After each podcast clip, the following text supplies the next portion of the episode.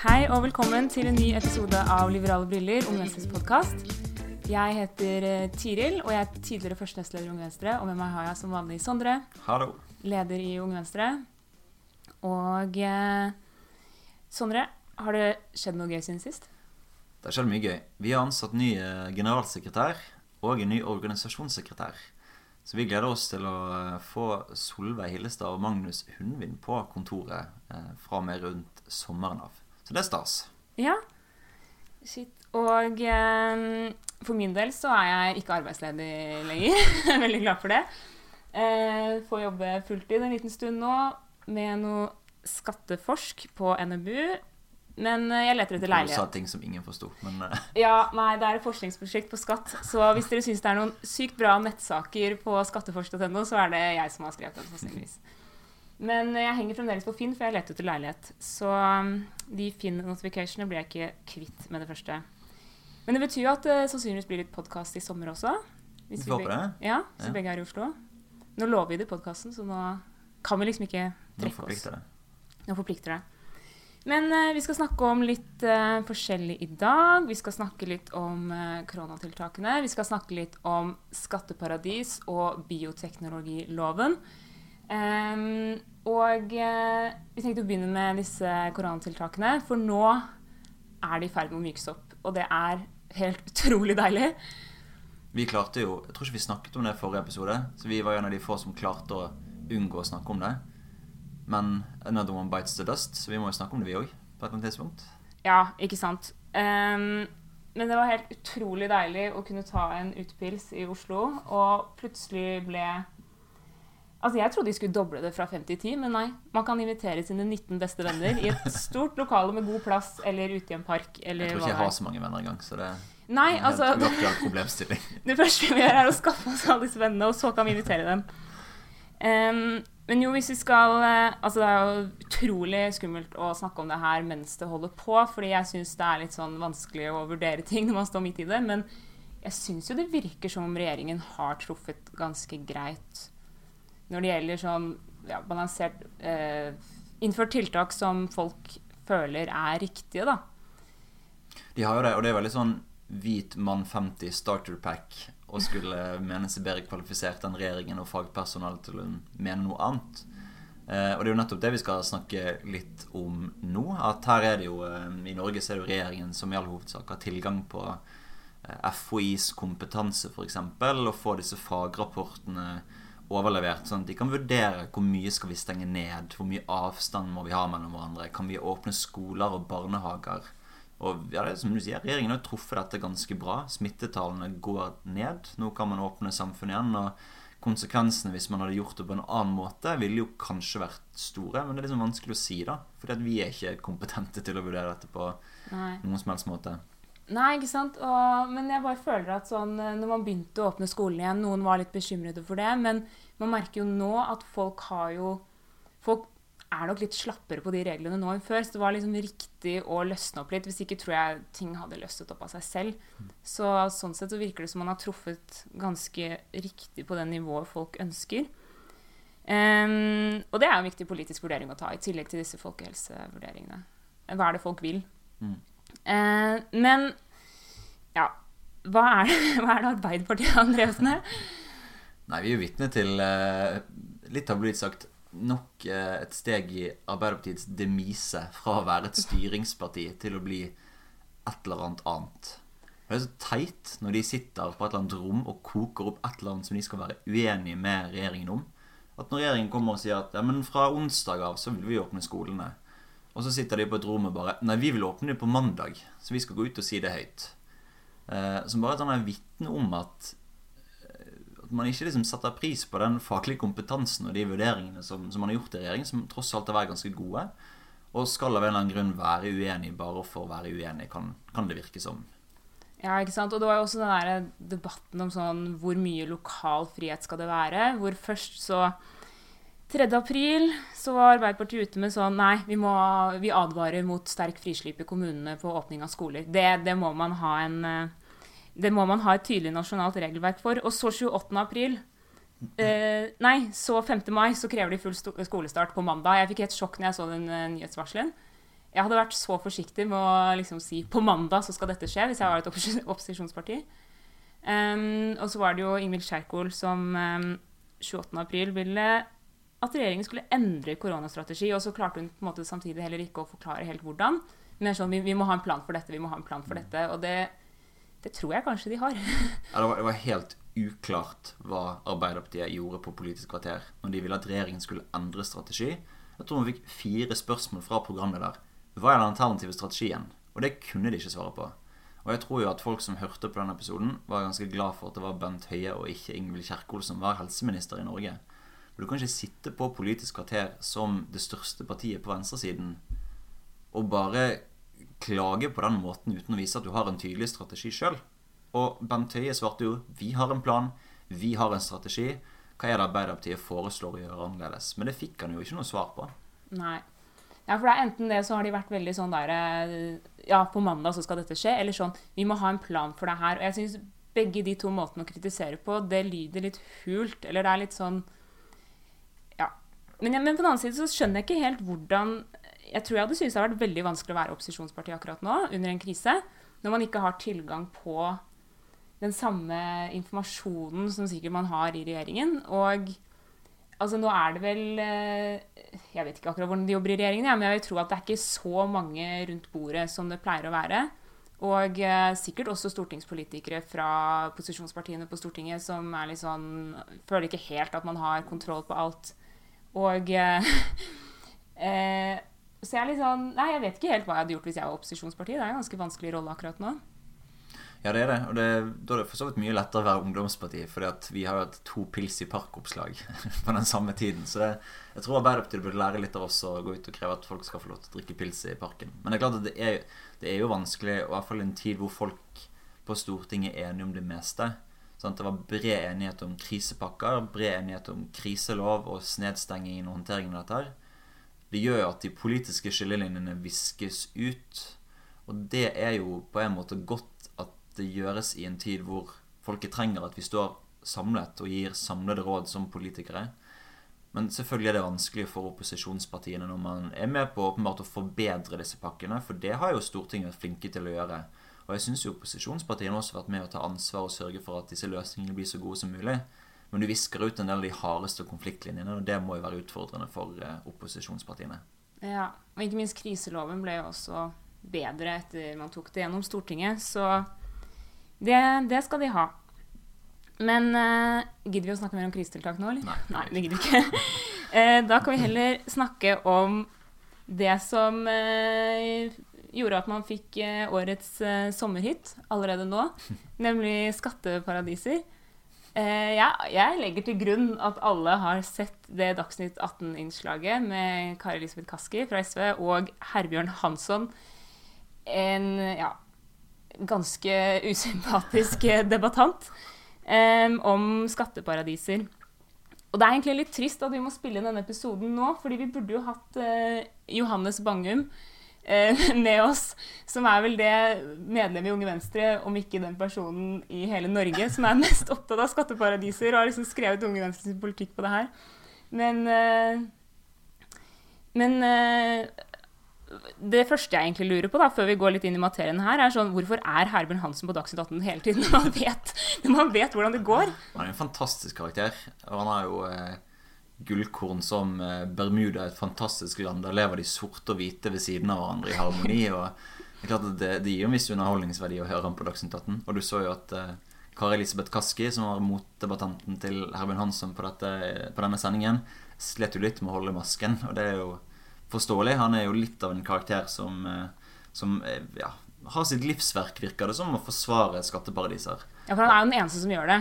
Det er jo Ja, derfor Du har jo noen fra Civita som også har begynt å gjøre det. Eller en grunn. Som er, ja, noe- stemmer i Civita og Minerva som mener at dette kan forsvares, og at, de, altså, at det ikke er så sort-hvitt som man skal ha det til. Men altså, det er jo et ganske alvorlig problem med skatteparadiser, og det er den virkelighetsbeskrivelsen deler Unge Venstre også. Um, så um, ja, nei, det er merkelig at han skal um, forsvare det så mye som han gjør. Også, Det var jo også veldig gøy. Da er denne Nicolai Tangen-saken når du sitt crescendo han, Det blir kjent at han um, hadde en uh, venn, da, Henrik Syse, som eh, hadde styreverv for på vegne av Nicolai Tangen i disse Cayman Island-selskapene. Og Herman Hansson eh, rykket ut eh, til forsvar for Nicolai Tangen for at han Ja. hadde plassert formuen sin i skatteparadiser, men syntes at eh, styregodtgjørelsen til Henrik Syse var altfor lav. Den burde vært mye høyere. Ja, ikke sant? Han er en sånn venn du ikke vil ha, da. Jeg tenker også Cayman Island sitter der og er litt sånn Ja, vi hadde ikke trengt dette Dagsnytt 18-innslaget, liksom. Vi Ja, du trenger ikke å gå ut og forsvare oss. Men eh, vi, vi kan jo begynne med å ja, bare forklare hva, hva et skatteparadis er. Det er jo egentlig en ganske forklarende begrep, men det er jo ofte et sted hvor man får eh, lav skatt, man får betydelig med hemmelighold, og det er begrenset samarbeid med andre lands skattemyndigheter. Og da, da kan du rett og slett gjemme formue i disse landene. Um, og eh, det er jo typisk multinasjonale selskaper og sånn som har mulighet til å gjøre det, som har masse datterselskaper og sånne ting, registrert eierskap litt her og der. Dette er liksom ikke en liten norsk frisørsalong. De har ikke den muligheten. De får ikke skjult sine penger for skattemyndighetene i Norge. Um, og ja, det er mange grunner til at dette her er veldig skadelig. Ehm, jeg kan jo begynne med noen av dem. Det ene er jo ifølge noe ny forskning, bl.a. Uh, gjort av de folka jeg jobber for, eh, så taper Norge ca. 14 milliarder årlig i skatteinntekter.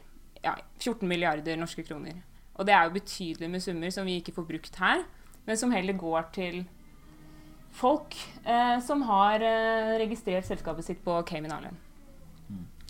Og det er en trussel for eh, velferdsstaten og, og sånne ting. Og det høres jo jeg synes jo det høres ganske høres ut som et konservativt anslag, egentlig hva man tar på dette. Og de globale konsekvensene er jo eh, my, mye større enn det. Eh, og spesielt hvordan det går med på en måte utviklingsland hvor du har eh, store selskaper som opererer i, i utviklingsland, men som f.eks. plasserer formuen sin og inntekten sin i Cayman Islands eller andre skatteparadiser. Eh, nå har jo på en måte Vi er jo på høyresiden sammen med FPU, mens FPU mener at skatt er tyveri, så ville vi kanskje sagt at eh, skatt er prisen vi betaler for sivilisasjon. Og det trenger man jo for å skape sterke institusjoner og bygge en velferdsstat. Og når store multinasjonale konserner drar seg unna skatt i noen land og betaler på en måte nullskatt i, i andre, er det et utrolig stort problem, spesielt for utviklingsland, men også for de selskapene som, som følger reglene og gjør det de får beskjed om og skatter det de, det de faktisk skal. Ja, ikke sant? Så da er det jo også konkurransevridende. De som, de som følger reglene, de taper på det. Og de som, eh, de som eh, lusker rundt og gjemmer formuen sin andre steder, de, de vinner. Og det er også skadelig for økonomien. Og så er det jo de som tjener på det her, er jo de som er aller, aller rikest. Så sånn sett er det jo også et ulikhetsproblem.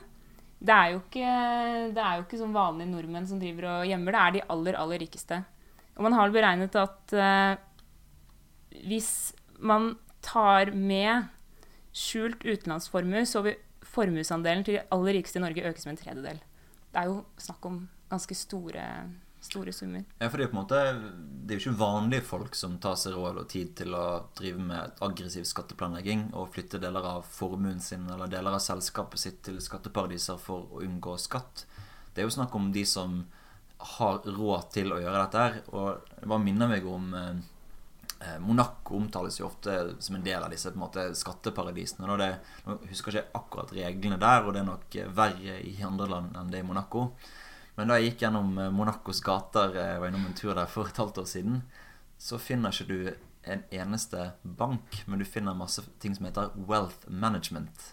Så det er et annet ord for banker i Monaco, og jeg vil jo tro at tilstanden er ganske lik i andre skatteparadiser. At det handler ikke om eh, akkurat kontantinnskudd. Det handler om å planlegge selskapet sitt på en sånn måte at du unndrar deg skatt i det landet du egentlig opererer i. Og vi har jo de samme utgiftene i velferdsstaten uansett om folk skjuler disse pengene eller ikke. Sant? Så det gjør jo at skattebyrden blir større på dem som ikke gjør, her, nemlig, gjør det, nemlig de som er eh, ja, fattige eller eh, ja, ikke har eh, aksjer i store multinasjonale selskaper og sånn. Det er vanlige folk som taper på det her. Men hva er det Unge Venstre vil gjøre med det her, da? For å begynne med det. Det er jo det, er det store spørsmålet. Det er jo Dette er en kjempevanskelig problemstilling. Og det er jo en av de tingene som viser hvorfor det er så viktig med internasjonalt samarbeid. Fordi at skatteparadiser og skatteplanlegging er et internasjonalt problem. Det handler jo i sin natur om eh, altså om flere land, om penger som krysser landegrenser, og transaksjoner som krysser landegrenser. Og det beste ville jo vært om eh, WTO eller EU eller OECD kom på plass med gode løsninger som fikset dette problemet, som så skattesystemet under ett. Og så vidt jeg husker, så er det i gang et sånt arbeid, både i OECD og EU, som ser på hvordan man kan finne ut om hvordan man skal takle dette problemet. Men Norge må også være rede til å gjøre sånn såkalt unilaterale tiltak. At vi gjør disse tiltakene alene hvis disse forhandlingene skulle strande. Og en løsning kan jo være f.eks. at uh, istedenfor at Google eller Facebook må betale skatt av det de på papiret tjener i Norge, så må de betale skatt på en andel av det totale globale overskuddet. For da ser du på en måte verdiskapningen til, eller inntjeningen til Google eller Facebook på verdensbasis. Og så må vi skatte en andel av det globale overskuddet, eh, sånn at de betaler skatt i Norge. Mm. For all den tid det er så lett å jukse og trikse med å plassere postboksselskaper her og der, eh, så må det en annen tilnærming til enn det som har vært den klassiske skattepolitikken i Norge, nemlig at selskap som ligger her, som skaper verdier her, må, må bidra til statskassen. Ja, det som typisk skjer også, er jo at sånn, man får jo skattefradrag i Norge på kostnader, og så må man også skatte overskuddet. Men hvis du bare på en måte overfører det du har i overskudd, til et datterselskap i et land med lavere skattebyrde på overskudd, så får du jo fritak på kostnader i Norge, og så får du lavere skatt på overskuddet i et annet land. Og det er jo ja, det, men det er et sentralt poeng, sant? for det de gjør, er at de putter utgiftene i høyskatteland, som f.eks. Norge, og inntektene mm. hver de ikke betaler skatt. Og det betyr jo på en måte at de ikke bare unndrar seg skatt, men de tar på en måte pengene våre, for å si det på den måten. Ja, ja. Nei, og så er det jo utrolig komplisert, det her. Både sånn juridisk og økonomisk. Og man har jo ikke Ja, det er veldig vanskelig å få oversikt. Men som du sa, så jo, jobbes det jo med internasjonalt. Men ikke helt sånn eh, forpliktende og eh, sånn ennå. Men det EU har gjort, er at de, fall, de har laget en svarteliste Um, sånn, ja, nå, de som står på nå, er sånn American Samoa, Cayman Island, Fiji, Guam, Oman Altså det er litt sånn, ja. Det er, det er, litt diverse land her. Det de har fått kritikk for i EU, er at uh, ingen av medlemsstatene deres er listet på uh, Verken på grålista eller svartlista, tror jeg. Og da er det snakk om sånn For det er jo ulike nivåer av det her. Sant? Det er jo ingen som gjør dette ja, vi er et skatteparadis, vi gjør det sånn. Det er liksom forskjellig. Sånn det er lav skatt i Nederland, Irland mm. Og Norge er jo et uh, skatteparadis for, uh, for rederiene. Ja. På en måte har vi veldig lav eller ingen skatt. Så det, det, det, det er jo en overgang dette her, sant? mellom land som har uh, litt lukrative ordninger på noen felt, til land som nesten ikke skatter en, en krone i det hele tatt. Ja. Men det er også, som du var inne på, det er mulig å gjøre ting nasjonalt. Um, jeg vet at Marianne Martinsen, som stortingsrepresentant fra Arbeiderpartiet, var jo sammen med en som har vært rådgiver, ja, finanspolitisk rådgiver tidligere for Arbeiderpartiet, Maria Schumacher Wahlberg, skrevet en bok om akkurat det her. Jeg har ikke lest den, men jeg så de hadde en nettside når jeg bare leste litt eh, når de lanserte den boka. Så lagde de en nettside også med et arbeid og kapital, hvor de har listet opp masse konkrete ting man kan gjøre i Norge. Og det er veldig vanskelig sånn Veldig mange politikere skyver jo på det. er liksom, Dette er internasjonalt, man må løse det internasjonalt. Nei, nei, nei. Og da er det jo ingen som og så er det typ sånn hvis Norge er for strenge, så kan det på en måte være negativt for oss også. Eller andre land kan liksom anklage oss for å være kjipe. Ja, det er litt vanskelig, men, men de, hadde, de, hadde, en del konkrete forslag. Så det er noe man kan kikke på. Det er i hvert fall to um, flinke økonomer. Um, men uh, ja, et av, dem, et av forslagene deres var f.eks. at et selskap ikke får fradraget sitt for kostnader som går internt til et selskap, før de har vist hvilken skatt de har betalt på overskuddet i mottakerlandet. Da. Mm. Sånn at de ikke får de situasjonene hvor de um, får fradrag i Norge, og så skatter de nesten ingenting på overskuddet i et annet land. Men uh, ja, da er det jo bare å høre på sommerhiten og, og, og, tenke mer på dette med skatteparadiser. Jeg hørte i hvert fall på den på repeat når jeg forberedte meg til uh, denne podkasten. Skal vi snakke litt om eh, bioteknologiloven, eller? Ja, vi må gjøre det også. For det har skjedd eh, forrige uke. Så inngikk eh, Fremskrittspartiet, Arbeiderpartiet og SV et såkalt forlik på Stortinget. De kalte det vel Bioteknologiforliket 2020 eller noe sånt. Ja. Om å gjøre liberaliseringer i bioteklovverket. Og det er bra. Ja, det er bra. Det var sånn når KrF gikk inn i regjering, da var vi jo fire partier i regjering, eh, så fikk de gjennomslag for at eh, bioteknologiloven skal ligge fast. Og jeg må bare si ligge fast, det er det, er det mest politikeruttrykket jeg vet om. For det er sånn, hva betyr det? Men ja, at det ikke skal være noen endringer i den. Eh, for At det, KrF får vetorett på alle endringer, var det på en måte det som var viktig. At Ja. eh, vi kunne gjerne foreslå noe, på en måte, men hvis KrF sa nei, så, så ble det nei. For det er jo, og det har jo vært et flertall for mange endringer av bioteknologiloven ganske lenge på Stortinget, men så, så fikk KrF den, da. Og det skal sies at den hadde Senterpartiet sist òg. Da, eh, de, da de rød-grønne styrte landet, så ble det ikke noe tillatt med eggdonasjon. Fordi at det satte f.eks. Senterpartiet en effektiv stopper for. Så dette har vært et problem på begge sider av norsk politikk. At du har eh, noen partier som ønsker det, og så har du de små partiene som, som setter brems da, på liberalisering av, av, av et felt som, er viktig for at kvinner skal få lov til å bestemme mer over sin egen kropp.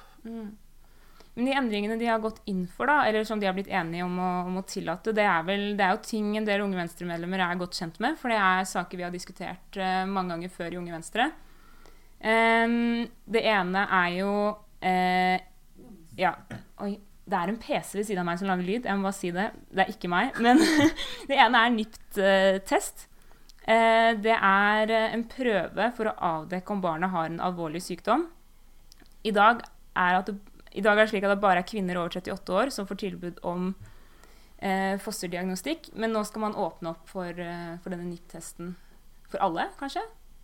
Eh, nå tror ikke de har sagt akkurat hvem det skal åpnes opp for. Og det er jo eh, De har presentert en liste over ting de har lyst til å liberalisere og gjøre endringer på. Og så må man se litt vil, altså akkurat hvordan regelverket skal være rundt disse her, kommer man tilbake til. Men det er ikke så lenge til man skal avgi innstillingen på Stortinget, og til det skal vedtas. Og da får vi se litt mer sånn rammen rundt det. Men eh, sant, NIPT-testen er jo en av de tingene som man har liberalisert, som er en mer eh, treffsikker og trygg måte å sjekke om barnet har alvorlig sykdom på, som ikke har vært eh, særlig mye brukt i Norge, og som det har vært stilt en del sånn rare krav til om du skal få lov.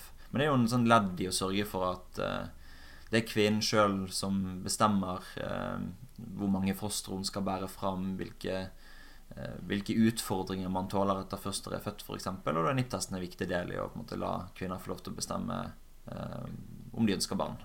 Ja, ikke sant? Det handler jo om hvem skal ta dette valget. Skal vi nekte folk å, å, å teste seg, eller skal de få lov til å gjøre det, og så kan man få lov til å ta stilling til det For det, det har vært sånn en sånn evig lang diskusjon, eller sånne mantra da, fra noen partier i norsk politikk, er jo at nei, etikken må sette grenser for teknologien. Sant? Det er en sånn klassisk frase man hører hver gang man diskuterer bioteknologi og abort og alle disse tingene. Men etikken setter jo altfor store grenser for teknologien. Og det fins i dag mange muligheter som er åpne for kvinner i mange andre europeiske land, som norske kvinner rett og slett er nektet fordi man mener at etikken skal sette så strenge grenser at man ikke får lov til å bestemme mer sjøl. Ja, ikke sant? Det handler om hvem som skal få ta disse valgene. Også en annen ting er assistert befruktning for enslige. Um, og eh, ja, at man ikke må være et par da, for å få lov til det. Mm. Det handler jo også om at folk skal få lov til å ta den vurderingen selv. Og ikke minst at enslige foreldre også kan være gode foreldre. Ja, ja ikke sant? Du, du bestemmer selv om du vil, eh, vil få det barnet med en annen person, eller om du vil ha assistert befruktning selv. Og eh, en annen ting er utvidet lagring av egg på ikke-medisinsk grunnlag, slik at også kvinner som er friske, skal få kunne lagre egne egg eh, og, og fryse dem ned, sånn at man kan bruke det til assistert befruktning senere. Ja, For I dag så er det bare de kvinnene som har eh, typ fertilitetsproblemer, eh, som får lov til å lagre eggene sine og bruke dem på et senere tidspunkt. Men nå ser det ut til at man lar flere kvinner, også de som er friske og ikke har noen problemer, å lagre eggene sånn at de kan bruke dem på et senere tidspunkt. Det handler jo om altså, ganske basic biologi, egentlig. At eh, kvinner har som regel eh, friskere og bedre egg når de er yngre, og det er ikke alle som ønsker å få barn på et tidlig tidspunkt. Og I dag så har regelverket satt en stopper for at man skal ha lov til å fryse ned eggene og lagre de til seinere for å få barn. Så det betyr jo mer frihet for kvinnen til å få barn når man ønsker. At man slipper å gjøre det eh, for tidlig for en selv hvis man ønsker å vente og fortsatt ha eh, friske egg. Mm. Og så er det jo en annen ting de har gått inn for, er å bruke lagret sæd fra avdøde. At, det skal være lov. Eh, det var jo en Jeg så en nyhetsartikkel eller, som handlet om at det var en som hadde en, en kvinne som hadde en, mann, en avdød mann, som hadde gitt tillatelse til det, og det var et ønske fra han om å få eh, bruke det så hun kunne få, få barna hans. Og det var ikke mulig med dagens regelverk. Og det er jo også ja, Hva er etisk riktig der, liksom? Altså, man, må, man, må, jo kunne respektere ønsket til, til, avdøde mennesker som ikke samtykker til dette. Men nå, nå, skal i hvert fall det bli lov. Og ikke minst eggdonasjon, som også er en um, sak um, Unge Venstre har uh, jobbet lenge med. Og den, den er jo kjempestor. Sant? Det har vært uh, kanskje sånn fanesaken da, innenfor bioteknologiloven.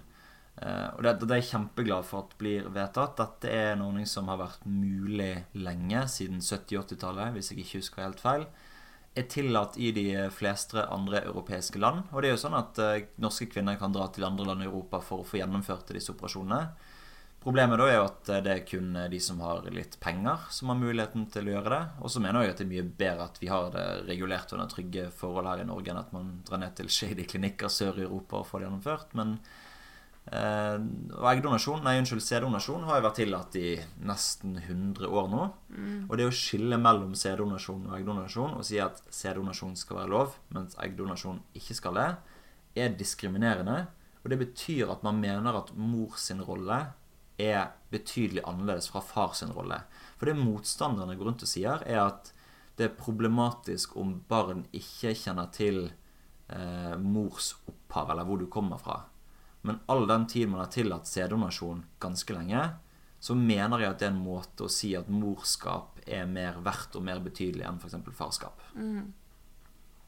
Men hvordan er det, Sondre, å liksom være avhengig av våre venner i Arbeiderpartiet og Fremskrittspartiet for å få gjennom Unge Venstres politikk? Dette tror jeg er eh, det gledeligste tapet vi har gått på ja. i løpet av de siste årene, og, og, kommer nok til å bli det gledeligste tapet også fram mot valget. Eh, det er klart at eh, sant, man, når, man, når, man, er i regjering og man er i regjeringsforhandlinger, så må man av og til gjøre veldig tøffe avveininger. Og vi har f.eks. Sånn, sikret en rusreform som er historisk etterlengtet. Nedleggelse av pelsdyrnæringen. Det er mange ting jeg kunne ramset opp, men, eh, og, da har KrF fått noe igjen på andre siden. Men når Stortinget nå velger å overkjøre regjeringen og sikre flertall for dette, så skal jeg iallfall feire. Ja, selv om Venstre nok ikke får lov til å stemme for, så gjør det ingenting at det opposisjonen foreslår, er noe vi synes er ikke bare helt greit, men uh, veldig, veldig bra. Men uh, skal vi vi har jo en siste ting til slutt som vi ville ta opp. Det er jo slik at Mange av dere lyttere er jo sikkert uh, fans også av den nå litt sånn ja, pod ja, podkasten til Høyre, Stortingsrestauranten. Den er jo litt satt på pause etter at Tina Bru og Henrik Asheim ble statsråder. Men vi tenkte at det var greit å, å, å, låne litt en liten spalte derfra akkurat nå. Fordi det er noen som fortjener å, å høre noe. Og, og, hvem, og hva, hva er det, Sondre? Det er dette. Kjære Jon Helgem, Vebjørn Selbekk og Mimir Kristiansson, hold kjeft. Det går ikke an at voksne mennesker skal sutre over at regjeringen bruker FN-pins, og på en eller annen måte bruke spalteplass og TV-tid på å problematisere at regjeringen støtter bærekraftsmålene og velger å stille opp med symboler for internasjonalt samarbeid og solidaritet fordi man mener at man representerer det norske folket. Og Her ser man eh, ytterste venstre og ytterste høyre i skjønn forening. Motstand mot den liberale verdensorden og internasjonalt samarbeid. Det syns jeg er skummelt, og det håper jeg de hører på og tar til hjertet sitt. Ja. Og det er jo, jeg må jo si, det å gå rundt med et bærekraftspinn, det er jo det norskeste som finnes. Altså, Vi snakker så mye om de bærekraftsmålene i Norge, og vi er så opptatt av utvikling, gir masse penger til bistand. Det er, skulle bare mangle at man kunne gå med en liten pinn også. Det, men, men, på en annen måte, jeg skjønner jo litt at folk har liksom vært litt sånn At man ikke har skjønt hva det er. Jeg husker det er jo kanskje For noen år siden så ble jeg litt også sånn jeg så på noen av de regjeringene og typisk sånn ja, kanskje spesielt eh, de som eh, jobbet i UD og sånne ting. Bare hvorfor går de med den pinnen? Hva er det der for noe? Er det sånn der hjul med farge på? Og så bare Å ja, herregud, det er jo bærekraftsmålene. Det skjønner jeg at folk syns det er litt sånn rart at man lurer på hva det er, men det er jo det snilleste og mest PK du kan gå med. Ja, det. Og bærekraftsmålene er jo ja, det er det snilleste du kan være med på. på en måte. Det er mål om å utrydde eh, fattigdom globalt, eh, utrydde sult, sørge for at alle har tilgang på rent vann og utdanning og natur. Og det er ganske åpenbart at Norge skal stille seg bak, og det er kjempefint at den norske regjeringen velger å være internasjonalt orientert og, og gå med disse pinsene. Men ikke så nøye, da, for debatten er jo det som er teit. Og det Jon Helgem holder på med akkurat nå, er en sånn her eh, hundefløyte for rasistiske ytre høyre-miljøer. Vi vet at disse konspirasjonsteoriene om at regjeringen med representanter fra FN oppsto i sånne ytre høyre-miljøer, jeg mener det er farlig når han skal gå ut og si disse tingene som han gjør. Han gjør den eh, norske nasjonalismen og det norske flagget ekskluderende for alle andre og en motsetning til internasjonalt samarbeid. Men det trenger det på ingen måte å være. På 17. mai nå så skal jeg tenkte jeg skulle gjøre begge deler. Både gå med FN-pinn og et norsk flagg, og det fins det ingen uh, motsetning mellom å gjøre. For du har FN-pinn? Nei, jeg har ikke det. Må skaffe en. Ja, du, du må, nå må du i hvert fall skaffe en. Jeg er sikkert på regjeringskontoret, så kan jeg finne den. Ja. Nei, jeg er helt enig, og det er sånn Jeg tviler på at Jon Helgheim egentlig er redd for den pinnen, ja, men det er sånn han ø... Han, altså det her er det jo mye rart han gjør som sikkert nøster opp om konspirasjonsteorier og sånne ting, men det er så farlig å drive og sette i gang sånne ting. Jeg får fremdeles masse crazy mails fordi folk eh, på den venstre mailen min eh, fra når jeg var folkevalgt, og det er så mange som har sånn skikkelig konspirasjonsteorier om, om FN. Og, sånn, eh, og, det, og det nører opp under enda mer, eh, enda mer eh, ja, sånne typer konspirasjonsteorier og, og, frykt og sånn i deler av befolkningen. Så det er helt unødvendig, og jeg er helt enig at de burde holde kjeft. Det var kanskje siste ord. Hold kjeft. Og så snakkes vi. Ja. Ha det bra. Ha det bra.